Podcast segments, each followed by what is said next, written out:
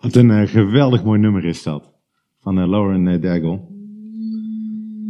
Ze zegt daar zelfs, als ik niets voel, zegt God dat hij van me houdt. Zelfs als ik me zwak voel, zegt God dat ik sterk ben. En zelfs wanneer ik tekort schiet, zegt God dat hij mij vasthoudt. En als ik er niet bij hoort, zegt God, je hoort bij mij. En ik kies ervoor om dat te geloven. En dat is precies de boodschap vandaag. In de tijd van corona kan het best zijn dat je niks voelt. Dat je je zwak voelt, dat je je tekort voelt schieten. Dat je er niet bij kan zijn vanwege een virus. Vanwege deze onzichtbare vijand waar we allemaal mee te maken hebben. En dan zegt God, ik hou van jou. Ik draag je, ik maak je sterk, want jij hoort bij mij. Het is heel bijzonder dat we nu na een jaar pas aangeland zijn in, in hoofdstuk 10 van Daniel. Toen ik in januari 2011 januari, zo ben ik begonnen vorig jaar. En ik dacht, nou, we doen zes hoofdstukken tot de zomer en dan eh, gaan we weer lekker andere dingen doen. Maar we zijn doorgegaan op de momenten dat we bij elkaar konden komen. En we krijgen vandaag weer een boodschap die eigenlijk weer precies op tijd is. Zeker omdat we afgelopen week weer te horen hebben gekregen dat het wel weer even gaat duren. Voordat alles weer normaal is. Voor Daniel was het niks normaal. Daniel was uit zijn land afgevoerd eh, naar Babylon, weg van zijn familie, weg van zijn vrienden. Hij moest werken in, in, in het paleis van de koning. En toen het boek begon was Daniel ongeveer 15 jaar oud, toen hij uit, uit, uit Israël weggevoerd werd. En het jaar was toen ongeveer 605 voor Christus. Ik ga zo meteen rekenen met jullie. En misschien dacht Daniel in 605 voor Christus, dit gaat wel voorbij. Dit, dit, dit gaat niet eeuwig duren. Dit, dit Babylonische Rijk gaat misschien wel een keer verliezen. En dan kan ik weer terug naar Israël. Dan kan ik weer naar huis. Dan worden dingen weer normaal. Maar inmiddels zitten wij in hoofdstuk 10. Het Babylonische Rijk is inderdaad voorbij, maar Daniel zit nog steeds in Babylon. En de tekst staat in de Bijbel natuurlijk, maar ik heb het ook geprint in de boekjes, kan je meelezen. En achter mij op het scherm uiteraard. En de tekst begint als volgt. Er staat in het derde jaar van Kores, de koning van, niet van Babylon, maar van, van Perzië. Het derde jaar. Kores, ook wel Cyrus genoemd. Misschien heb je wel van hem gehoord. Koning van Perzië. Hij veroverde Babylon in 539 voor Christus. En dit was zijn derde jaar. En dan moet je niet gaan optellen, maar dan moet je gaan aftrekken in je hoofd. 539, het is nou 537 voor Christus. Daniel is nu geen 15 meer. Hij is nu, die kan heel snel rekenen, achter zijn voren, in voor Christus tijd bijna niemand op de wereld. 63 plus 5 plus 15. Ik zie hem daar denken. Boven de 80 is boven de 80. Oude man. Loopt inmiddels met een rollator. Zuurstoffles erbij. En Cyrus was wel oké, hè, die koning. Hij, hij, hij had een aantal mensen terug laten gaan naar Israël om daar de tempel te herbouwen. Het volk Israël, moet je nagaan, was al 70 jaar niet meer in een kerk geweest. Wij klagen soms dat we drie maanden niet bij elkaar komen. En, en ik vind dat vervelend. Maar ik moet er niet aan denken dat het 70 jaar gaat duren. Ik zou er gek van worden. Maar om een of andere reden is Daniel niet meegegaan. Hij, hij is achtergebleven in Babylon. Ik weet niet waarom niet. Sommige mensen denken, ja, weet je, hij is 83 met zo'n rollator, dan duurt dat allemaal wat langer. Zo'n, het, is, het is duizend kilometer lopen. Misschien was hij gewoon te oud. Maar hij is terug. Hij is nog steeds in Babylon. En in dat derde jaar van Kores, koning van Perzië, werd er een woord geopenbaard aan hem, aan Daniel. Aan wie de naam Belt, gegeven had. Hij had een andere naam gekregen, een andere identiteit. En dit woord was waarheid en ging over een grote strijd. En Daniel begreep het woord. En hij kreeg inzicht in het visioen. Daniel krijgt een visioen te zien. We gaan vandaag niet naar het visioen kijken. Dat is voor de volgende keer. Hè? Maar een visioen is een, een boodschap van God die hij heeft gekregen. En wie zou wel graag een boodschap van God willen krijgen? Ik wel graag. Super cool man. Een briefje uit de hemel van God. die zegt, ah, die corona, dat is volgend jaar, of weet ik wel. Mei, 13 mei is het voorbij. Weet ik veel. Of Maarten, je moet, je moet dit gaan doen in je leven. Of dat. Maar Daniel, die krijgt een visioen en in dat visioen ziet hij een stukje achter de schermen wat er op de wereld plaatsvindt. Een, een strijd die plaatsvindt. Hier op aarde, maar ook in de hemel. Een strijd tussen machten en krachten en koningen. In een zichtbare wereld en in een onzichtbare wereld. En hij ziet een beeld voor de nabije toekomst voor hem, wat voor ons geschiedenis is. Maar hij ziet ook een beeld over het einde van de tijd. De toekomst die ook nog voor ons toekomst is. En Daniel had al heel veel meegemaakt. Maar ondanks dat hij zoveel had meegemaakt, al die verschrikkelijke dingen die hij al gezien had, komt dit beeld enorm hard binnen. Het is een nachtmerrie, dit visioen. Hij is er kapot van. Drie weken lang is hij er kapot van. Ik denk dat we dat soms niet realiseren als we God vragen, God geef me een visioen, want het is cool, dat het misschien niet is wat we hadden gehoopt te zien. Dat we er kapot van kunnen gaan. Dat we het niet aan kunnen. En misschien geldt het op een andere manier ook wel voor jou deze weken. Dat het heel zwaar wordt na een jaar corona. Dat je op dinsdagavond om zeven uur naar meneer Rutte en meneer De Jonge gaat kijken en hopen dat ze met goed nieuws komen. En ze komen met een geweldig mooi nieuws, er zit altijd een maar achter. Zo ziet het plan eruit, maar dan moet dit en dit gebeuren. En ik denk dat er weinig mensen zijn die verwachten dat het overmorgen weer allemaal uh, spik en span is en allemaal geweldig gaat lopen. Misschien geloof je het niet meer. Dat er maatregelen ooit nog minder worden. Misschien zat je twee weken geleden met paas en hoorde je, Jezus gaat alles veranderen en, en, en hij gaat alles mee laten werken ten goede. Maar dat je afvraagt wanneer dat dan gaat gebeuren. Want ja, dat is waar. Jezus laat alles te meewerken ten goede. Maar het kan best, Daniel, 70 jaar duren. Wat doe je dan? Wat doe je als je strijdt? Ik heb vijf punten vandaag, geen drie. Ik kom uit de tekst, dus daar kan ik niks aan doen. Ja, moet niet zuchten, ze gaan sneller, hè? Beginnen. In die dagen was ik, Daniel, hij schrijft het zelf, Daniel, drie volle weken aan het rouwen. Daniel rouwt.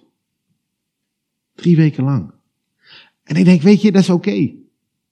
Het is oké om je niet oké te voelen. Het is oké om niet oké te zijn. We zitten in een heftige crisis met elkaar. Sommigen van jullie hebben al een jaar lang geen knuffel meer gehad. Je sociale leven is beperkt. Misschien gaat het niet goed op je werk. Misschien kom je erachter dat thuiswerken achter zo'n vierkant scherm, rechthoekig, dat dat toch best wel zwaar is. Ik heb collega's die familie al soms twee jaar niet gezien hebben omdat ze niet naar hun thuisland mogen reizen. We, lopen op straat in een boog om mensen heen. Ik weet niet of het opgevallen is. Dat is niet normaal. Ik, ik heb het gisteren niet gezien, maar misschien hebben ze een aantal van jullie gisteren de koningin gezien van Engeland. Die afscheid moest nemen van haar man, die 99 geworden is. Prins Philip. kijk eens hoe ze zit. De, een van de rijkste vrouwen op de wereld. Zit helemaal in haar eentje in een hoekje te rouwen om haar man alleen. Dit is niet normaal. En dat mag je voelen en dat mag je verwerken. Rouwen, en dat is verdriet hebben om de dingen waar we nu afscheid van moeten nemen, en, hopelijk zijn een aantal van die dingen tijdelijk, is gezond.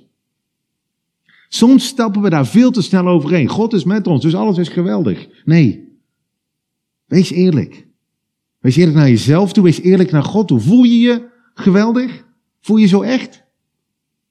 En hoe verwerk je dat?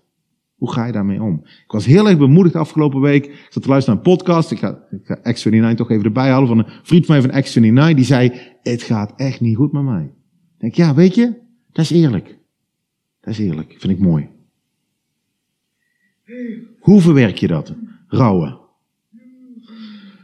En hoe doet hij dat? Smakelijk voedsel at ik niet, vlees of wijn kwam niet in mijn mond en mijzelf zalven deed ik helemaal niet, totdat er drie volle weken voorbij waren. Daniel gaat vasten. En we weten, en dat lees je iets verder ook, dat hij bidt. Hij bidt en hij vast. Hij zocht contact met God. Bidden en vasten en, en God zoeken op die manier zijn goede dingen te doen. In de tijd van strijd en de tijd van crisis. Voor Daniel zag het eruit, hij, hij, woonde in een paleis. Hij onthield zich van het eten, van al het lekkere eten dat daar was. En hij deed geen make-up op, stond er. Hij deed helemaal geen zalfjes op en zo. Misschien, misschien doe je dat nooit. En dan, dan is er geen vaste. Dus hoe, hoe ziet dat er voor ons uit? Welke rituelen in ons leven zijn misschien in deze fase van, van een crisis misschien beter om, om, om niet te doen? Of, of minder te doen? En ik zat te denken en ik dacht, hey, wat is dat voor mij?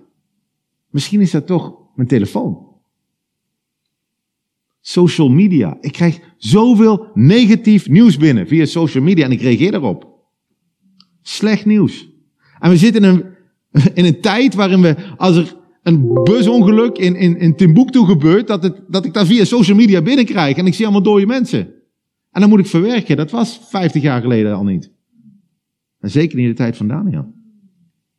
Een mens kan maar een bepaalde hoeveelheid, een beperkte hoeveelheid slecht nieuws verwerken. En het is dus goed om dat te doseren. Zodat je tijd hebt om te verwerken wat je leest en wat je meemaakt. Vasten van je telefoon, van je Twitter-feed, van Insta, is heel gezond. En gebruik die tijd dan, die je niet daarin steekt, om God te zoeken.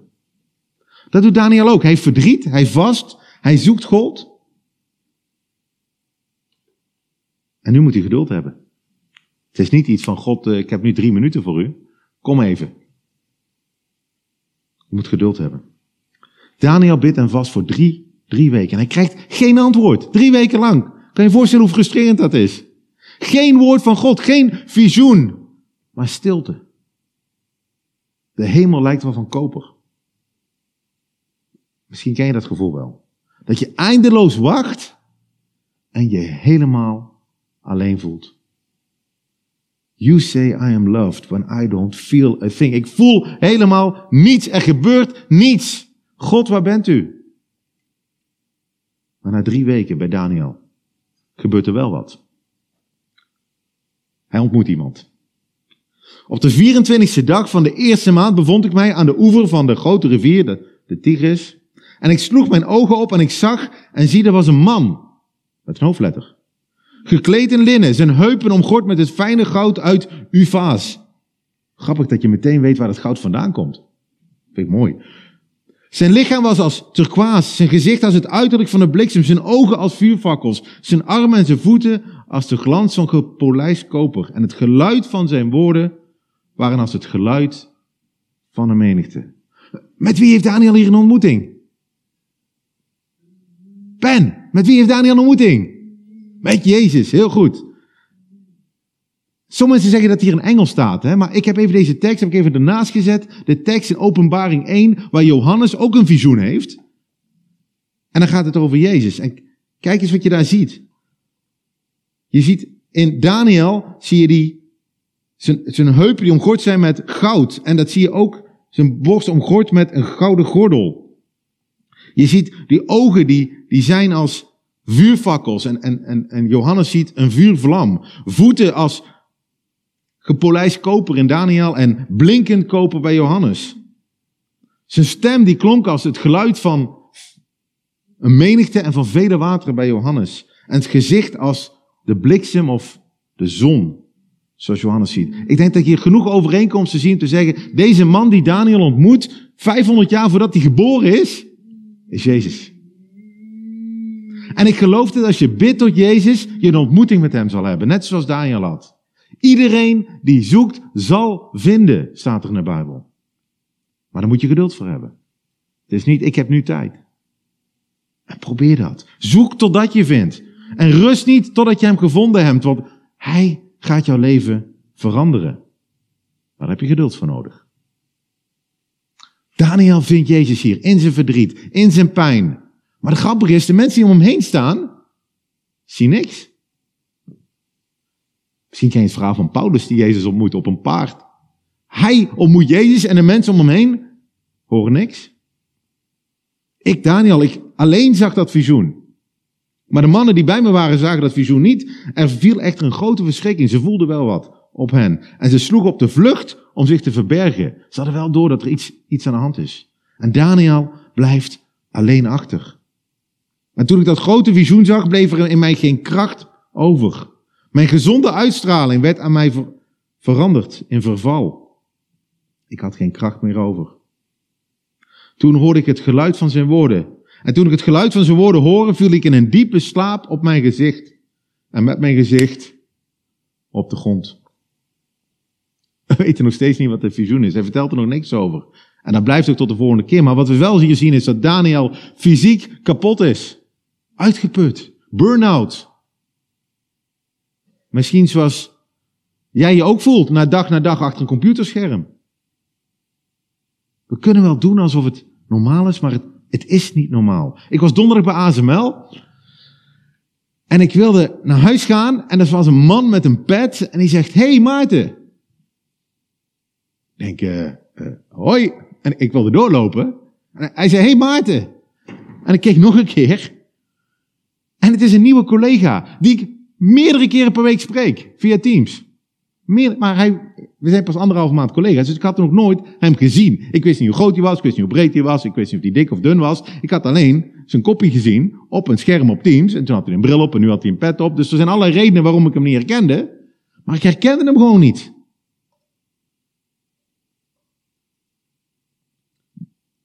Het kost veel energie om achter zo'n scherm te kijken naar een gezicht dat beweegt. En we kunnen net als Daniel daar heel vermoeid van raken. En soms, als we iemand al een tijd niet gezien hebben, dan herkennen we hem even niet. En dat geldt ook voor God. Als je een tijd niet met God omgaat, dan kan je dingen gaan vergeten die belangrijk zijn. Bijvoorbeeld gaan vergeten dat God, ondanks alles wat er om je heen gebeurt, zo ontzettend veel van je houdt. Dat is ook mijn vierde punt. Weet dat God van je houdt. Kijk eens naar Daniel. Hij is uitgeput, hij ligt er op de grond. En zie, een hand raakte mij aan. En maakte dat ik bevend op mijn handen en knieën steunde. En hij zei tegen mij, Daniel, zeer gewenste man. Let op de woorden die ik tot u zal spreken. En ga staan waar u stond, want nu ben ik tot u gezonden. Toen hij dat woord op mij sprak, ging ik bevend staan. Hij zegt hier, Daniel, zeer gewenste man. In de NBV staat een andere vertaling, zeer geliefde man.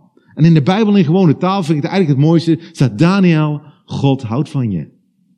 En dat mag je weten. You say I am loved when I don't feel a thing. God houdt van je.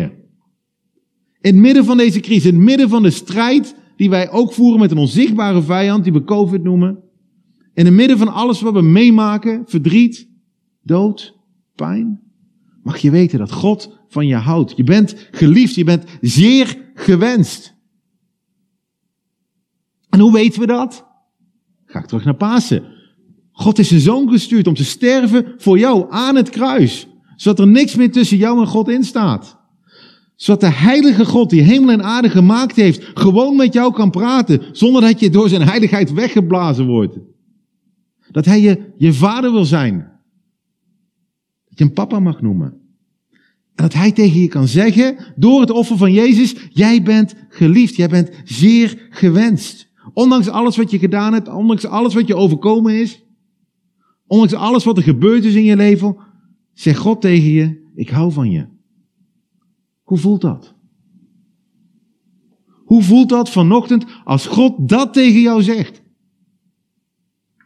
Laat het op je inwerken. Geniet daarvan. Zet, zet er je social media even uit. Zet je Instagram even, je telefoon op stil en ga even achteroverleunen en zeg God houdt van mij. Hoe voelt dat? Jezus gaat verder tegen Daniel. Hij zegt tegen Daniel, wees niet bevreesd. Woorden die we zo vaak terugkomen in de Bijbel. Wees niet bang. Wees niet bevreesd. Moet niet bang wees niet, hè? En waarom niet? Omdat God bij ons is. Kijk maar, want vanaf de eerste dag dat u zich er met heel uw hart op toelegt om inzicht te krijgen en om u te verootmoedigen voor het aangezicht van uw God, zijn uw woorden gehoord. En omwille van uw woorden ben ik gekomen. Zie je wat hier staat? Ten eerste dat Daniel zijn hele hart erop toelegde om inzicht te krijgen. Dat vind ik wel heel bijzonder. Hij rouwde, hij bad, hij vastte en hij wachtte geduldig tot hij antwoord kreeg. En hij verootmoedigde zich. Dat is geen woord dat we nog vaak gebruiken. Hij maakte zichzelf klein, omdat hij wist hoe groot God was. En hij sprak dat uit naar God. En hij zei, God, ik wil antwoorden. Ik wil inzicht krijgen.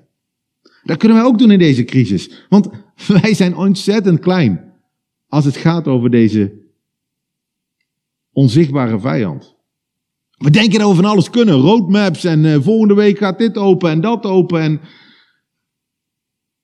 Maar intussen gaat het virus vrolijk zijn gang. Zijn we overgeleverd aan maatregelen. Terwijl we allemaal dachten, toen zeker wel, dat het al een paar weekjes wel voorbij zou zijn, vorig jaar. Maar wij, wij zijn zo klein en we hebben zo weinig onder controle. Maar God is groot en almachtig. En hij steekt ons er doorheen. En mijn tweede ding wat hier staat, is, is veel belangrijker misschien nog, dat God zo geweldig is. Want kijk eens, vanaf het eerste moment dat Daniel ging bidden om inzicht te krijgen, vanaf het eerste moment dat hij naar God toe ging, waren zijn woorden al gehoord. Met een klein groepje lezen we het Nieuwe Testament door en we waren afgelopen week in Daniel begonnen, of in Matthäus begonnen, het Bijbelboek. En, en in Matthäus bidt Jezus het onze Vader, wat we net ook zongen. Maar weet je wat Jezus net zegt? De zin voordat hij begint met het bidden van onze Vader? Uw Vader weet wat u nodig hebt. Voordat u tot hem bidt.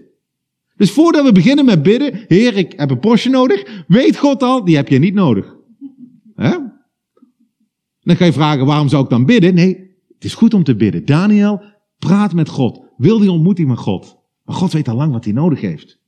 Nog voordat we onze mond open kunnen doen, nog voordat we iets aan God kunnen vragen, staat onze papa al klaar. Hij weet precies wat we nodig hebben. Hoe geweldig is dat? Maar dan kun je je afvragen, als God dat dan al wist, waarom duurt het dan drie weken?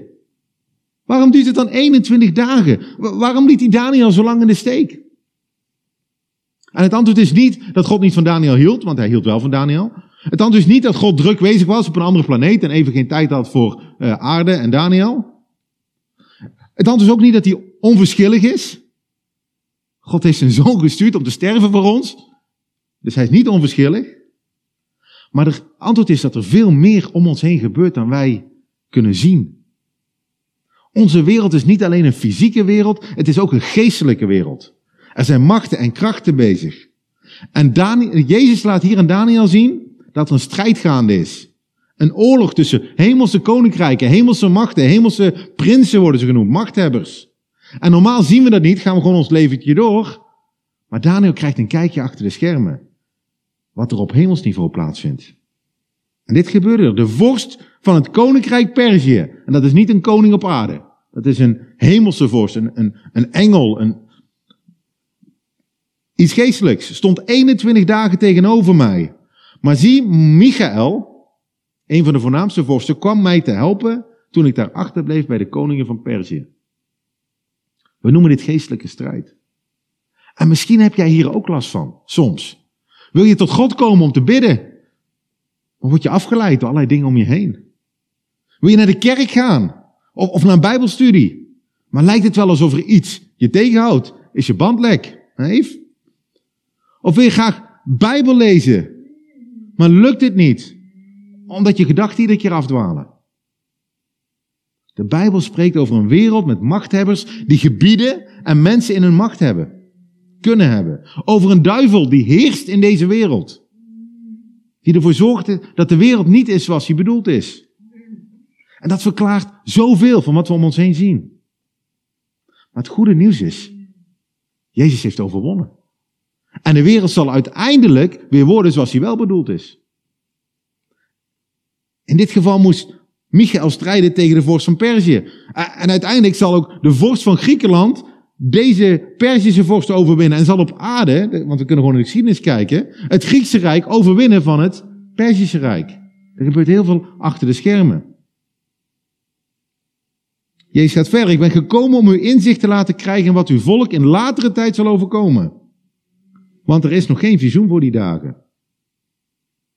Toen hij deze bewoording met mij sprak, hield ik mijn gezicht naar de aarde gericht en ik verstomde. Maar zie, iemand die leek op de mensenkinder raakte mijn lippen aan. En toen opende ik mijn mond en ik ging spreken. Ik zei tegen hem die tegenover mij stond, mijn Heer, waar vanwege het visioen hebben we weeën overvallen, zodat ik geen kracht meer over heb.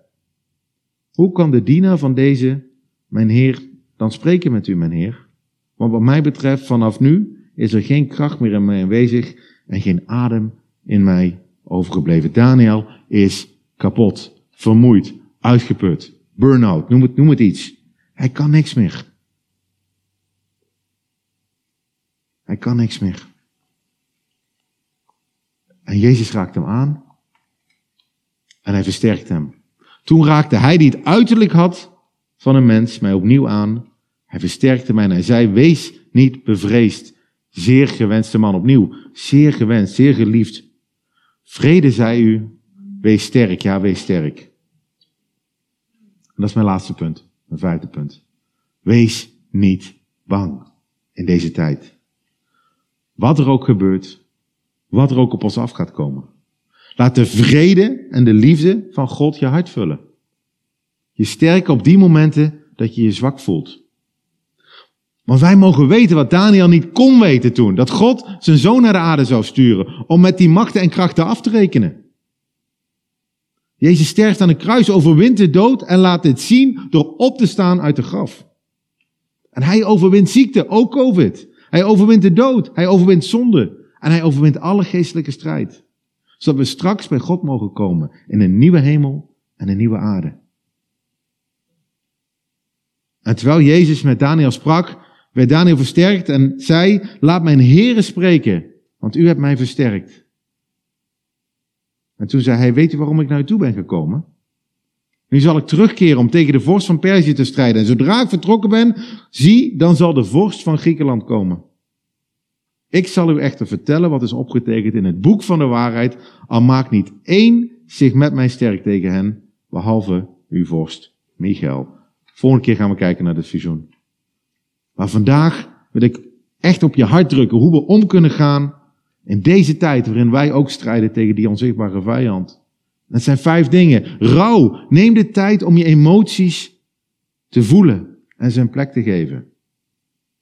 Bid en vast. Neem de tijd om God te zoeken en, en blijf weg van de dingen die je afleiden. Heb geduld. God antwoordt je gebed, maar misschien niet op de manier of op het moment dat jij graag zou willen. Zijn antwoord is ja, zagen we de vorige keer in de video. En nummer vijf, laat Gods liefde doordringen in je hart en wees niet bang voor wat komen gaat. Kies ervoor om te geloven wat God over jou zegt, zong Lauren Daigle. Zelfs als ik niets voel, zegt God dat hij van me houdt. Zelfs als ik me zwak voel, zegt God dat ik sterk ben. Zelfs wanneer ik tekort schiet, zegt God dat hij mij vasthoudt. En als ik er niet bij hoor, zegt God, je hoort bij mij. En ik kies om dat te geloven. Laten we bidden. En dan wil ik de band vragen om nog één keer dat refrein van Lauren Daigle te zingen. Hemelse Vader, dank u dat u een tekst van 2.500 jaar geleden op dit moment tot ons komt. Weer perfect op tijd, Heer. Heer, help ons om te rouwen. Om niet ons gevoelens en verdriet onder de mat te stoppen, maar dat we ermee naar U mogen komen. Heer, help ons om tijd te nemen om met U te praten. Om te vasten van de dingen die ons afleiden. Heer, we willen graag die ontmoeting met U. Leer ons, Heer, om geduld te hebben. We willen altijd geduld nu. Maar alles komt op uw tijd. En laat in ons hart doordringen, Heer, hoeveel u van ons houdt. En dat we echt niet bang hoeven te zijn voor de toekomst. Heer, dank u wel. Dat u dit zo tot ons spreekt vanochtend. Amen.